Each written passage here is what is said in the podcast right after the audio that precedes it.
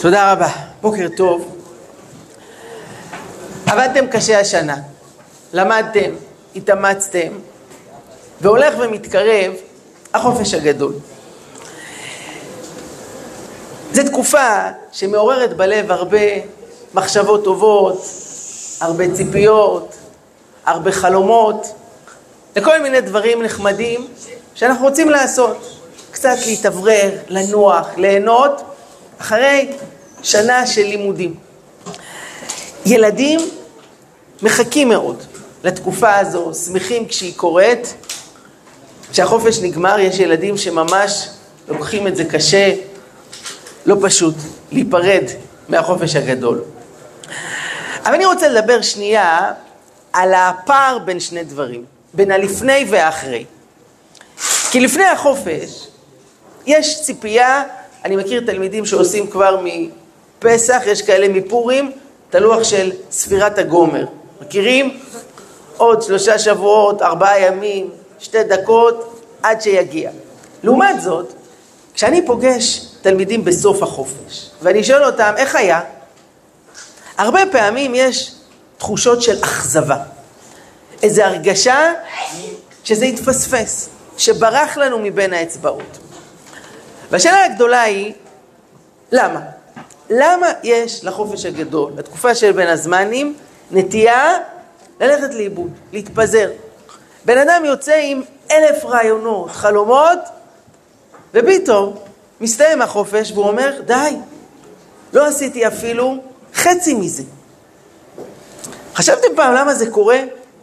למה אנחנו כל כך רוצים, אבל בסוף מתברר שזה עבד הרבה פחות טוב ממה שתכננו.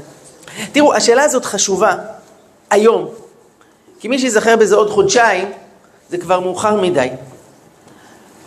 אני מאחל לכם שבין הזמנים, שהחופש הקרוב יהיה הכי טוב שהיה לכם עד היום, שתצאו ממנו מלאים באנרגיות, בשמחה, בכוחות, אבל מה צריך לעשות בשביל שזה יקרה? ומה יכול לגרום לזה להתפספס? אני אגיד נקודה אחת לתשומת ליבנו, כלל בחיים. דבר מוצלח זה דבר מושקע, שחושבים עליו, שמתכננים אותו, שעובדים עליו. זה נכון לגבי כל דבר. אדם רוצה איזה ארוחה טובה.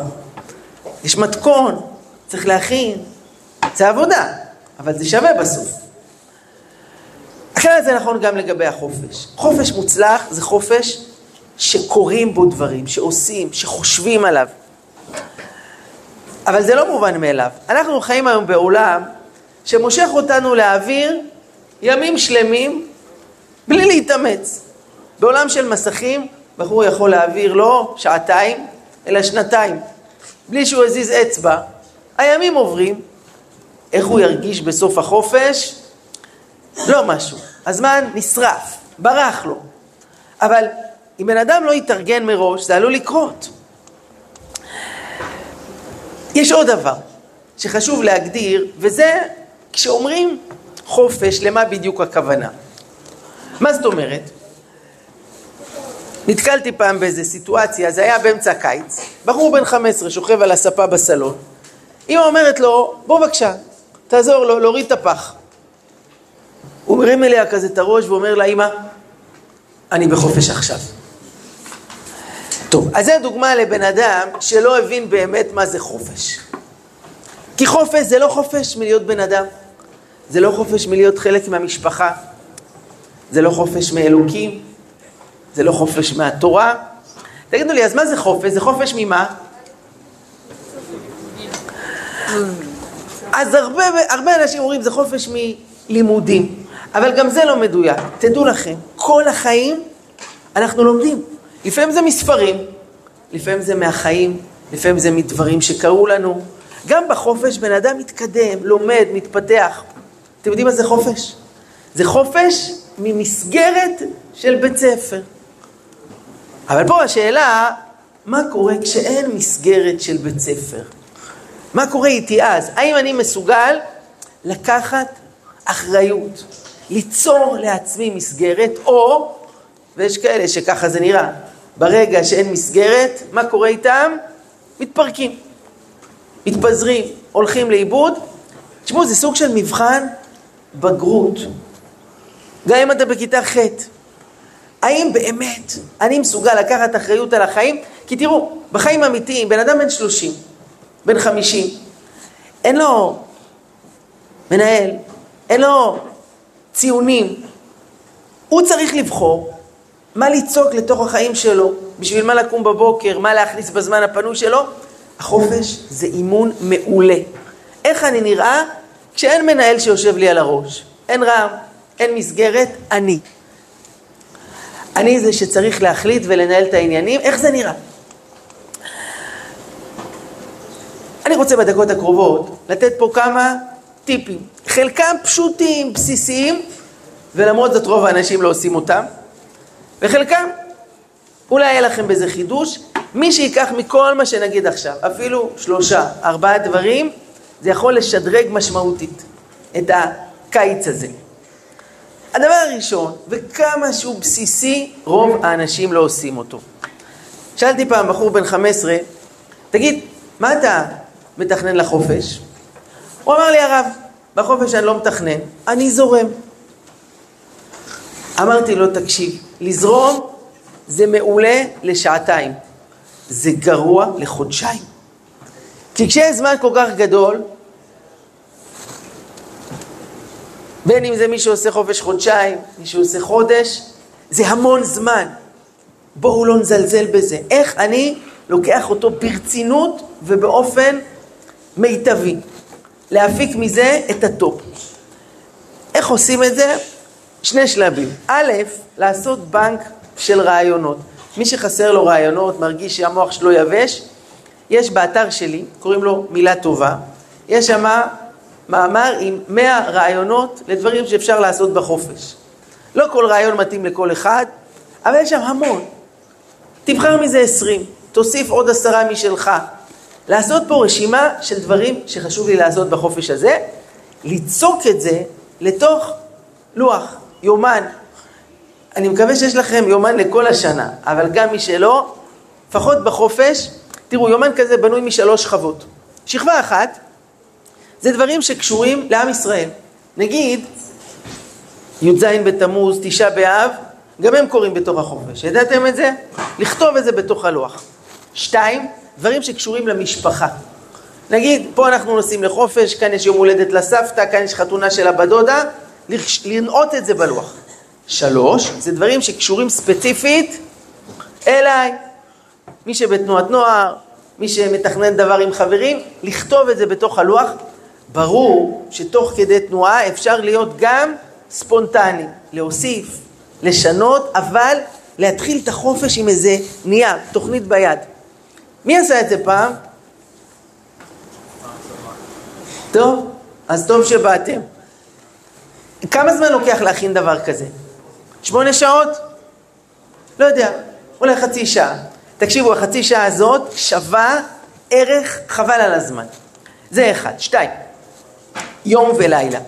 יש כאלה שחושבים שבחופש הגדול יש איסור מדאורייתא ללכת לישון לפני שלוש בלילה ואסור לקום לפני 12 בצהריים. טעות. גם בחופש מרוויחים הרבה יותר אם שומרים על מסגרת של יום ולילה. תראו, נתקלתי במקרים של חבר'ה שהיו גמורים מעייפות. הוא היה בטיול שלושה ימים, חזר הביתה, גמור. שואל אותו, למה אתה לא הולך לישון? הוא אומר, אבל מה, רק 11 בלילה, מה, אני אלך לישון? אז סתם, הוא סוחב את עצמו עד 2 בלילה, איך הוא ייראה למחרת בבוקר? סמרטוט מהלך, ומה בוקר? הוא יקום בצהריים. תקשיבו, יום שמתחיל בצהריים, זה יום שמתחיל ברגל שמאל, ואז גם התוצאה שמה קורה בלילה הבא? הבן אדם לא עייף, כי הוא מקודם קם, אז הוא שוב הולך לישון, בשלוש, ארבע. וגם תדעו, לילה זה זמן של שוטטות, של שטויות, הרבה דברים לא טובים, כשבן אדם מחפש את עצמו, מה לעשות? אז אני לא אומר, ברור בחופש אפשר לישון יותר מאוחר, לקום יותר מאוחר, אבל לא להפוך את היום ואת הלילה. תראו, זה קצת ילדותי. ילדים קטנים לא רוצים לישון, רוצים להשתגע. בן אדם מבוגר יודע, די, אני עייף, חלאס, נלך לישון. נקום מחר בבוקר מוקדם. דרך אגב, גם בלימודים, קרה לכם פעם, למדתם לאיזה מבחן במתמטיקה, כבר היה שעה מאוחרת, אתה כבר מתבלבל, לא יודע, משולז עם השלוש צלעות או ארבע. מה צריך לעשות? ללכת לישון. שים שעון, לקום מחר בבוקר, שעה מוקדמת, לעשות עוד חזרה, זה ניהול נכון של הזמנים. אז זה נקודה שנייה. הנה אחד שלא כל כך ידע לעשות את זה. תראו, זו תמונה ישנה. היום יש יותר מדי אנשים, אולי שמעתם על התופעה, עם מה הם הולכים לישון במיטה?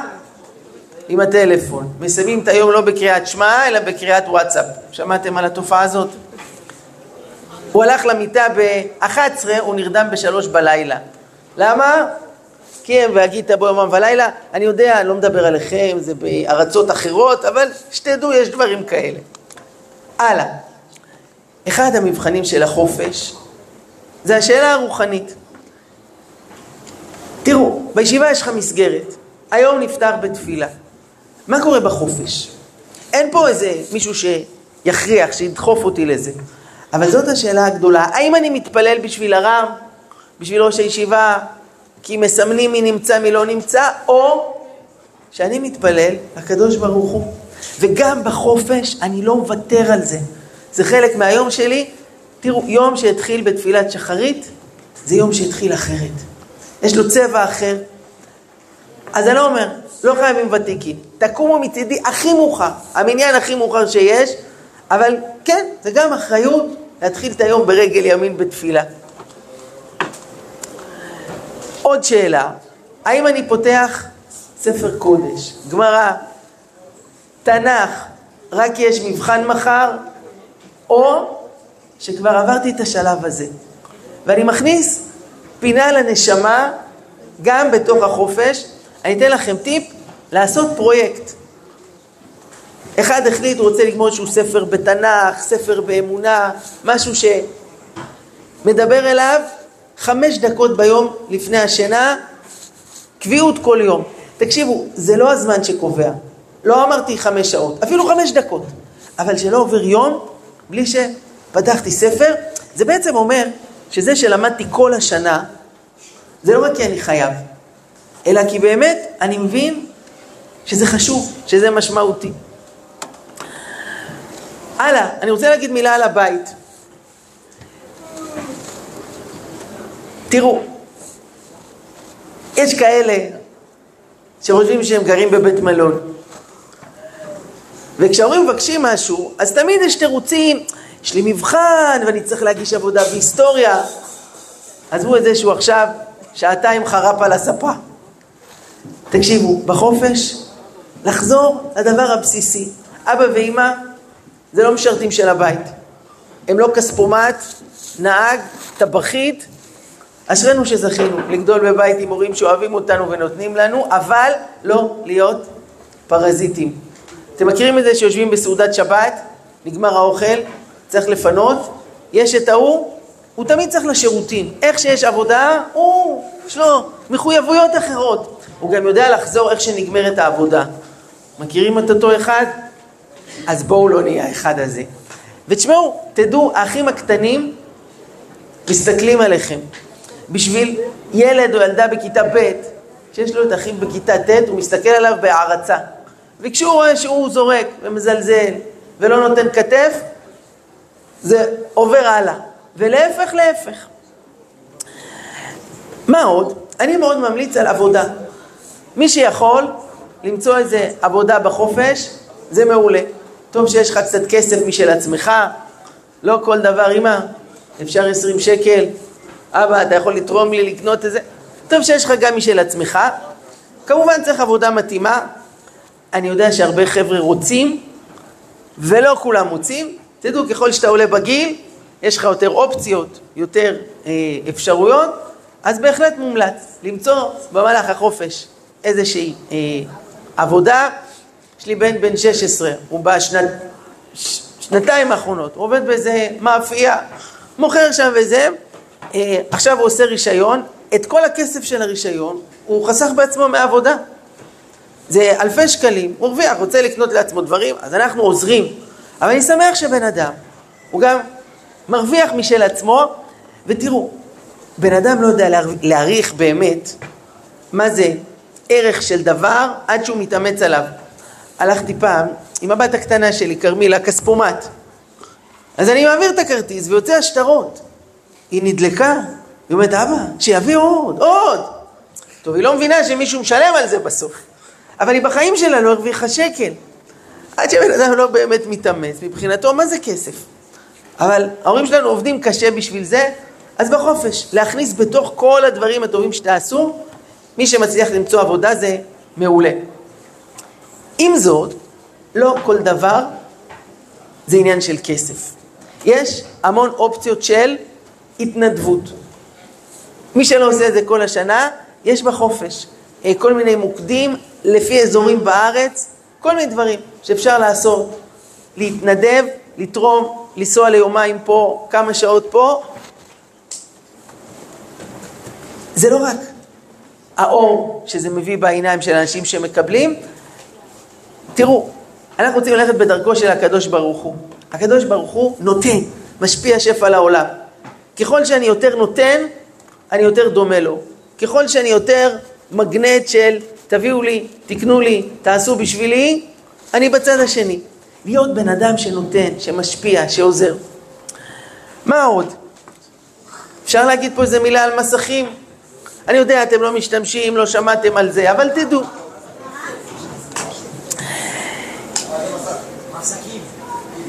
הוא יושב כאן כמה שעות מול איזה משחק, ואמא אומרת לו, די, זה כזה יום יפה, תצא החוצה לשחק. אז מה הוא עושה?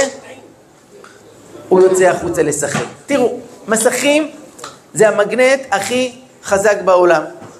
אתם מכירים? אדם מתיישב רק לשתי דקות מול מסך, הוא צריך לבדוק מה מזג האוויר, ופתאום הוא מגלה שעברו שעתיים.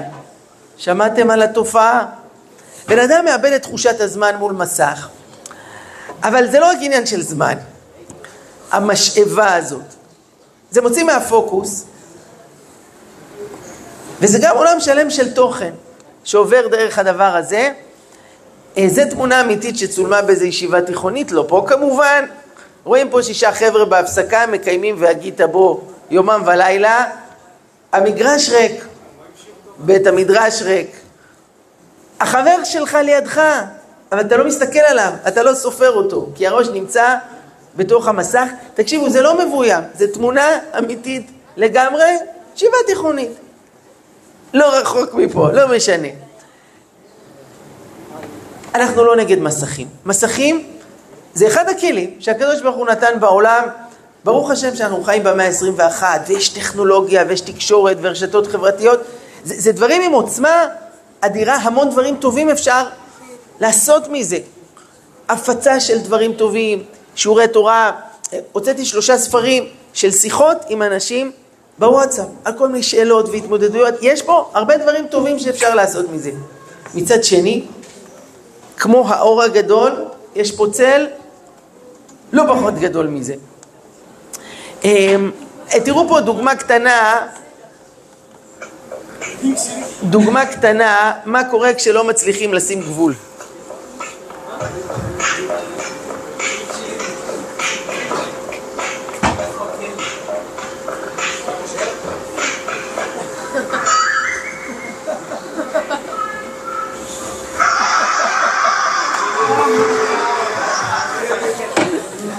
במילים אחרות, כשאת אוכלת, אז תאכלי. אבל אם תוך כדי בן אדם נמצא גם פה וגם שם, אז יש גם תקלות לא נעימות, כמו שראינו עכשיו. אז מה כן? תראו, כל אחד צריך לעשות חושבים עם עצמו איך וכמה, באיזה מכשיר אני משתמש. יש הרבה חבר'ה שהולכים מראש על מכשיר פשוט יותר. בלי להתחבר בווריד לכל מיני רשתות חברתיות, להשתמש בשביל להתקשר נטו. אז זה מעולה, זאת בחירה אחת. יש כאלה שהולכים עם מכשיר שיש בו שיחות, הודעות ווואטסאפ, מוביט וכדומה, כלומר אפליקציות בסיסיות, אבל גם וואטסאפ. אז מי שמחליט ללכת על זה, אוקיי, אני יכול להבין, הוואטסאפ זה כלי עבודה מאוד שימושי ותקשורת והכל. מצד שני, צריך לדעת, זה אחד מזוללי הזמן האדירים ביותר. כמה חפירות, כמה שטויות, כמה קשקושים, כמה... צריך לקחת את זה בחשבון. מי שהולך על משהו מעבר לזה, צריך לדעת, זה נשק גרעיני. אפשר להשתמש בו לטוב, הרבה אנשים, אולי אפילו רוב האנשים, מתברברים. בזמן, בתכנים, ותשמעו, יש לנו אחריות לשמור על עצמנו. אמרנו הבוקר, אלוקיי נשמה שנתת בי, טהוריי. ובן אדם צריך לשמור על עצמו לא להתלכלך מול מסך, זה אחד הניסיונות הגדולים, אה, שבן אדם ידע לשמור על הגבולות, על הנקיות, מה כן ומה לא, והחוכמה זה להיות רגע לפני, להפעיל את הראש, לא להתקרב למקום שאפשר ליפול בו. אז אם אני מסכם את הנקודה האחרונה, אנחנו לא נגד טכנולוגיה, אנחנו בעד החיים. וצריך לעשות את המחשבה, בטח לקראת החופש, מה לעשות, ותראו, אני לא מגזים עכשיו, יש הרבה חבר'ה שמתוך חודשיים וחצי של חופש, שלושה או ארבעה שבועות עוברים עליהם בסמארטפון. זה לא שהם תכננו את זה, פשוט ככה יצא. כמובן שמה שיותר לצאת החוצה, לראות את השמש, את השמיים, לטייל בארץ, זה מעולה. אני זוכר ששאלתי איזה ילד, תגיד, מה אתה אוהב לעשות בשעות הפנאי? הוא אמר לי כדורגל. אתם יודעים מה פשט כדורגל? פיפא. פיפא, לא לשחק בכדורגל. הוא צופה, הוא משחק, אין לו מושג איך בועטים בכדור. אני מקווה שאתם כן יודעים וגם עושים את זה. ספורט זה מעולה, ריצה, שחייה, אופניים, כל אחד. ומה שמדבר אליו זה בריא, זה טוב לגוף וזה טוב לנפש. להכניס את זה בתוך החופש, גם מי שרוב שנת הלימודים היה בטטה, החופש זה הזמן להזיז את עצמנו. מה עוד? כישרונות. תראו, אני זוכר שבתור ילד היה לי חלום לדעת לנגן בגיטרה, אבל לא, לא יצא. בחופש הגדול שבין כיתה ט' לי' אמרתי אני הולך על זה. לקחתי כמה שיעורים, התאמנתי, היום אני מנגן לא רע. פעם הבאה תזמינו אותי פה להופעה, זה התחיל מחופש אחד שאחרי כיתה ט'. אני מכיר בחור שהחליט, הוא שם לו פרויקט, הוא רוצה לדעת ערבית. שפה חשובה למי שחי במזרח התיכון, הוא רוצה בצבא, אחרי זה להשתבץ ביחידה מיוחדת. עשה לו פרויקט בחופש ללמוד ערבית. אז יש היום באינטרנט, יש כל מיני דרכים ללמוד את זה מהבית. תשמעו, הבן אדם גמר את החופש כשהוא מפטפט לא רע בערבית בסיסית. מבין שיחות, זה בא בחופש אחד. ושכל אחד יחשוב לעצמו משהו שאני רוצה לפתח, איזה כישרון, איזה יכולת. זה יכול להיות כלי נגינה, זה יכול להיות שפה, זה יכול להיות משהו אחר, שמעניין אותך ואתה רוצה להסתער על זה, בחופש הזה. תשמעו, לא נעים לי לדבר על זה, אבל צריך, תקבלו תעודה, ציונים. יש מקצועות, בוא נגיד, לא מאה. מה אני עושה? בתחום מסוים, נגיד, אני מגלה קצת קשה לי. האם אני מחכה לשנה הבאה ומתפלל ששנה הבאה יקרה נס וזה יהיה יותר טוב, או שאני מקדיש טיפה זמן בחופש. לעשות מתמטיקה, לעשות אנגלית, לא יודע, כל אחד מה שהוא צריך. תשמעו, זה לא יחרב את החופש. יש תלמידים שחושבים שבחופש זה איסור בל תויסיף, אסור לגעת בלימודים. זה לא נכון. אדרבה, תשמעו, אתם עולים עכשיו כל שנה, הלימודים יהיו יותר קשים. יהיו בגרויות. החופש זה זמן טוב לעשות השלמת פערים. מי שקשה לו במקצוע מסוים, לקחת איזה שני שיעורים פרטיים, טיפה להתאמן, להשלים את הפער, תתחילו שנה הבאה ברגל ימין. תתחילו ממקום הרבה יותר טוב. מי כאן בתנועת נוער תרימו יד? אשריכם. אני מאוד ממליץ. זה טוב, זה ערכי, זה מפתח. תדעו שכשאתה מתגייס לצבא ועושים אבחון פסיכוטכני ושאלות, אדם שהוא היה בתנועת נוער זה נקודה לזכותו. כי זה אומר שיש לו יכולות חברתיות, שהוא רוצה להשפיע, שהוא בן אדם ערכי. אני מאוד ממליץ להיות בתנועת נוער, מי שנכנס להדרכה זה בכלל טוב. ספרים. תשמעו, אנחנו חיים היום בעולם שאנשים בקושי קוראים ספרים. כי נגיד, תציעו לילד בן עשר, יש לך עכשיו שעה פנויה, מה אתה בוחר? ספר או סרט? מה הוא בוחר? ברור שסרט. למה? כי זה צבעוני, כי זה קופצני, כי זה מהיר, כי... אבל אם אני אשאל, מה יותר יפתח את הדמיון, את המחשבה, את אוצר המילים? אין ספק שספר מפעיל הרבה יותר את המוח של האדם. אבל בני האדם הם יצורים שאוהבים את האפשרות הקלה, אז הם הולכים לסרט. יש אנשים שבחופש טוחנים סרטים וסדרות, בסוף אל תשאלו איך הם נראים. להקדיש את הזמן, לא רק בשבת, שאז כביכול אין ברירה, קריאה זה אחד הדברים שהכי מפתחים, מעשירים, משדרגים את האדם. אני רוצה להגיד מילה על אוכל. תשמעו, ברוך השם, אתם בגיל שרעבים, שמתם לב? אני זוכר בבית שלנו, משפחת לביא, כשהילדים היו קטנים, אשתי הייתה מבשלת לשבת, זה היה מספיק לנו עד יום חמישי, עד יום רביעי, מה שהיה נשאר. היום זה נגמר כבר ביום ראשון. למה? יש לנו בבית שלושה מתבגרים, רעבים, צריכים חמש ארוחות ביום, וגם כשגמרו הם שוב רעבים. בסדר, ברוך השם, גדלים, חסונים, צריכים לאכול, נהדר. אבל מה? אבל מה? אפשר גם שווארמה, פיצה, לא ביחד, אבל שזה לא יהיה התזונה העיקרית של החופש הגדול. הבעיה שבשביל לעשות משהו ששווה לאכול אותו, משהו בריא, צריך להתאמץ, צריך להכין. תגידו, אתם יודעים גם קצת לבשל לבד, או שמה שאימא לא עושה לא קיים? יודעים קצת להכין לבד דברים? זה טוב, וזה לא קשה, זה לא קשה.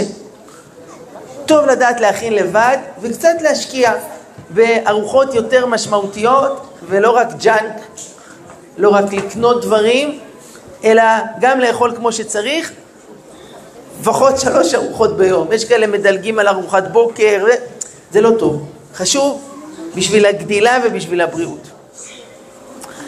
חברים, אני רוצה להגיד מילה על אבא ואימא. אמרה לי איזה אימא, ממש ציפיתי לחופש.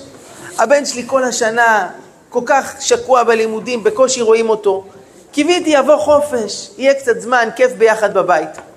מאז שהתחיל החופש, פשוט סיוט. כל הזמן ויכוחים, כעסים, עצבנות, לא מרשים לי, נמאס להיות בבית הזה, לא רוצה. מה קרה לבן שלי? אני כבר מצטערת שהתחיל החופש.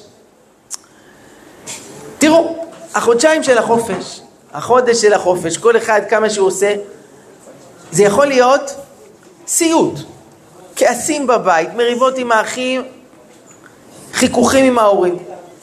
זה לא חייב להיות ככה. וזה בעיקר תלוי בנו. תשמעו, יש דברים, אני כבר אומר לכם מראש, שאתה תרצה לעשות בחופש, והורים יגידו, לא מתאים, לא מסכימים, זה לא בסדר. מה קורה במצב כזה? האם הולך להיות עכשיו פיצוץ גרעיני? האם הולך להיות עכשיו חסימת כבישים, טריקת דלתות, עצבנות? או שנמצא את הדרך איך לנהל חילוקי דעות. תשמע, יום אחד, בעזרת השם, אתה ואשתך, תגידו, בני זוג, תמיד מסכימים על כל דבר? ברור שלא. אז מה יקרה כשאשתי ואני לא מסכימים? אז מה, יעופו צלחות? אני אהיה ברוגז? יהיה עצבנות? אני מקווה בשבילכם שלא. מה, מה, מה עושים אנשים שלא מסכימים ביניהם? מה עושים? מדברים. מדברים. מקשיבים טוב למה שיש לצד השני להגיד, בפרט אם זה אבא ואימא שלי. ומסביר למה זה חשוב לי, למה אני רוצה, מנסים למצוא איזה נוסחה, איזה פתרון.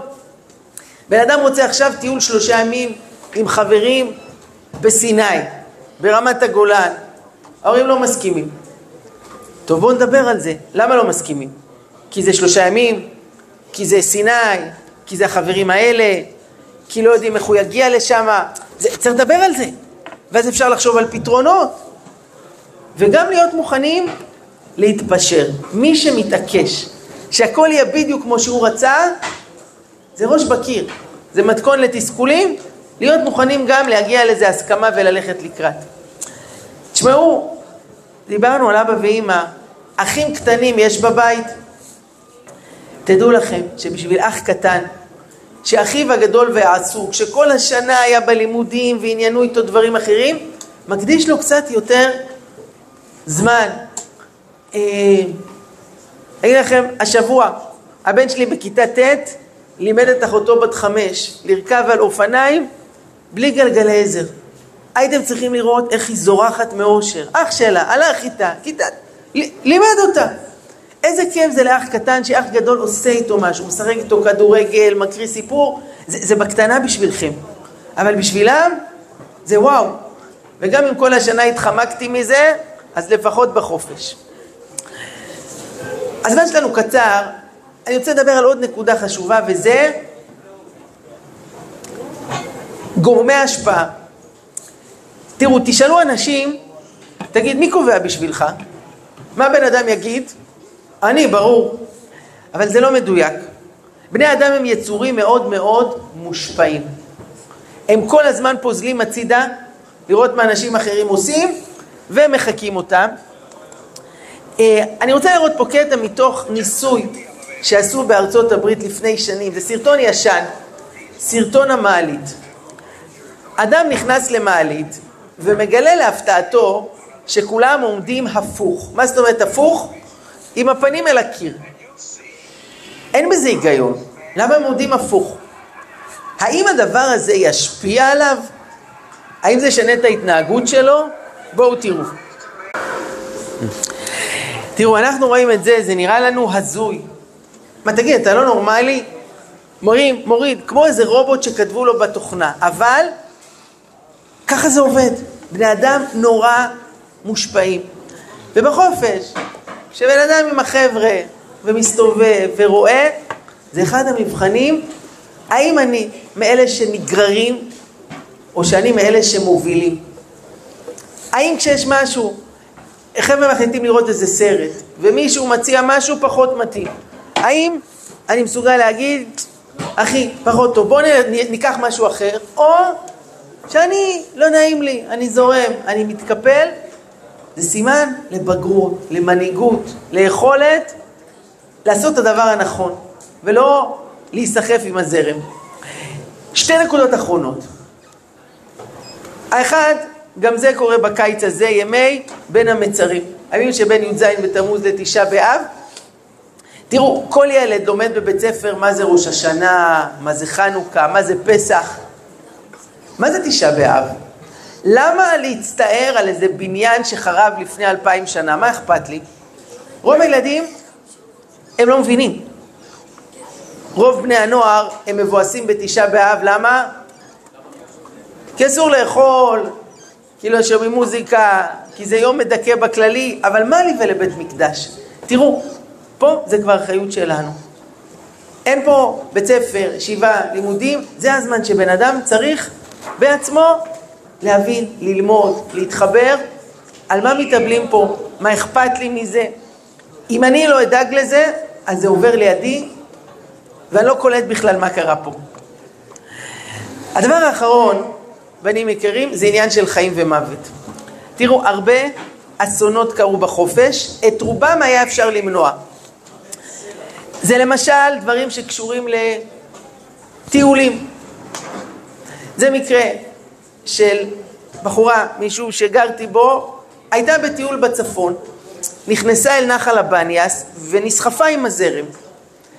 ניסו לקרוא לה, חיפשו אחריה והיא פשוט נעלמה. אחרי שעתיים מצאו את הגופה שלה צפה על המים, והתברר שהיא טבעה בצורה מאוד משונה. המים לא היו עמוקים, אבל היא נסחפה עם הזרם, ויש שם צמחייה, והיא פשוט נתקעה שם מתחת השיחים, היא מנסה להרים את הראש והיא לא מצליחה. והבחורה הזאת טבעה שלושה שבועות לפני החתונה שלה. זה היה טרגדיה גדולה. תגידו, מי פה העלה בדעתו שאפשר לטבוע ככה במים רדודים? מה?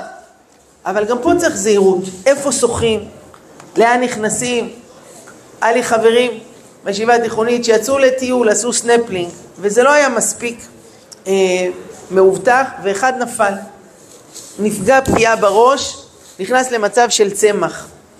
תראו, החברים שלו גמרו תיכון, עשו צבא, התחתנו, הבן אדם עשרים שנה אחרי כן, מאושפז, זה, זה, זה חורבן המשפחה, איזה נזק, איזה עוגמת נפש, בגלל מה? בגלל טיול, שלא דאגו לסידורי הבטיחות כמו שצריך. עכשיו תראו, יש לנו פה אחריות לא רק על עצמנו. לפעמים יוצאים לטיול, חבר'ה, תנועת נוער וזה, ויש אחד, הוא הקטע של הדאווינים, הוא צריך לעשות סלפי במקום הכי מגניב בקצה של הצוק. ואני יודע שזה מסוכן, ואני מתלבט, להגיד לו או לא להגיד לו. טוב, מה, אני לא אמא שלו, מה? ברור שאני אגיד לו, כי אם חס וחלילה יקרה פה אסון, כל החיים אני אוכל לעצמי את הלב שאני שתקתי. ושכל אחד יש לו אחריות גם על אחרים, על אלה שלא נזהרים, שעושים שטויות. אז לשים לב, לטיולים בכל מיני מקומות, איך, מה. סכנות זה לא רק בטיולים, זה גם בבית מול מסכים. אם אני משתמש באינטרנט, אם יש לי טלפון עם גישה לרשת, קריטי שתהיה חגורת בטיחות. בין אם זה רימון, בין אם זה פרי אחר משבעת המינים, קריטי שיש סינון. תגידו, סינון פותר את כל הבעיות? לא. תמיד בן אדם צריך להיות גבר ולדעת להתגבר, לשמור על עצמנו, אבל גם פה צריך גבורה גדולה בחופש. אה, שימו לב מחשיפה של פרטים אישיים. מקרה אמיתי, ילד כתב באיזה קבוצה גדולה בוואטסאפ, איזה כיף. יום חמישי בלילה יש חתונה של הבת דודה שלי בירושלים. המשפחה נוסעת לחתונה, חוזרת בשתיים בלילה. מגיעים הביתה, מה הם מגלים? הלך הבית, פרצו, רוקנו הכל. איך הגנבים ידעו מתי בדיוק לבוא? ברור, כל המידע הזה שאף זהירות גדולה. חבר'ה מפרסמים תמונות, פרטים, מתי אנחנו נוסעים? מסוכן. לא להיות תמימים עם כל מיני התכתבויות וכאלה. אה, התקשרה אליי ילדה בת 12, סיפרה שהיא הכירה דרך פורום בערוץ 7, שזה אתר דתי, אה, ילד בן 12, חמוד, ילד דתי, רואים לפי התמונה. הוא הזמין אותה לבוא להיפגש, לאכול גלידה. היא לא סיפרה להורים שלה, כי אמרה, הם לא יסכימו, דוסים וזה. היא הלכה להיפגש, היא מגיעה למקום, היא רואה שיושב שם גבר בן 50 ומחכה לה. תפסה שכל בשנייה האחרונה והסתלקה משם, התקשרה להתייעץ מה לעשות. תקשיבו, סיפורים כאלה נגמרו לו עלינו בדברים קשים. עכשיו, אף עבריין או סוטה או מחבל, הוא לא יגיד, שלום, קוראים לי אסמאעיל מרמאללה, אתה רוצה להיפגש? הוא יגיד, קוראים לי שלומי, או מיכל, או יעל, או איציק. אבל מי באמת נמצא בצד השני? אז צריך פה זהירות, ואני אומר את זה לא רק על עצמכם. אתם חכמים, אתם בוגרים, יש לכם בני דודים, חברים, אחיות, להגיד לכולם שאף אחד לא יעשה שטויות כאלה, כי אנחנו לא יודעים באמת מי נמצא בצד השני של המסך. אמ, אני נותן פה דוגמה מניסוי שעשו, זה, זה לא קשור לסכנות באינטרנט, אבל זה אותו עיקרון, כמה בקלות ילדים נופלים בפח. מה היה הניסוי? אדם ניגש לאישה בגינה ושואל אותה, תגידי, את מרשה לילדים שלך לדבר עם זרים? אומרת, ברור שלא. כל יום אני מזהירה אותו שאסור.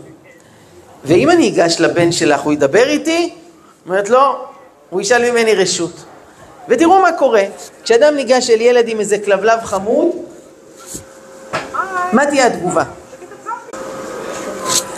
האמא בהלם, איך הילדה הולכת עם בן אדם שפגשה לפני דקה, אבל איך, איך? זה לא ייאמן. וזה קורה שוב ושוב, ואני שואל לאח קטן שלכם, היה עלול לקרות דבר כזה? ללכת ככה עם מישהו. אז פה זה ניסוי. אחרי דקה הוא החזיר אותו לאימא שלו, שאמרה לו, מה זה? אבל מה קורה אם חלילה? זה בן אדם פוגע.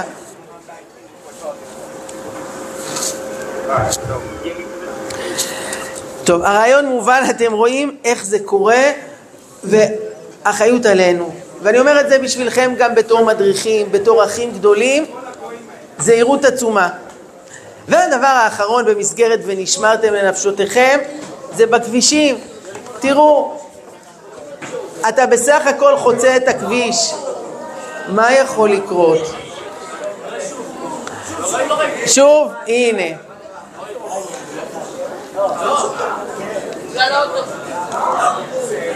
כל הזמן לפקוח עיניים ולהיות זהירים בשבריר שנייה. יכולים לקרות כל מיני אסונות. את הולכת על המדרכה, היום יותר מדי אנשים הולכים עם הראש בתוך הטלפון.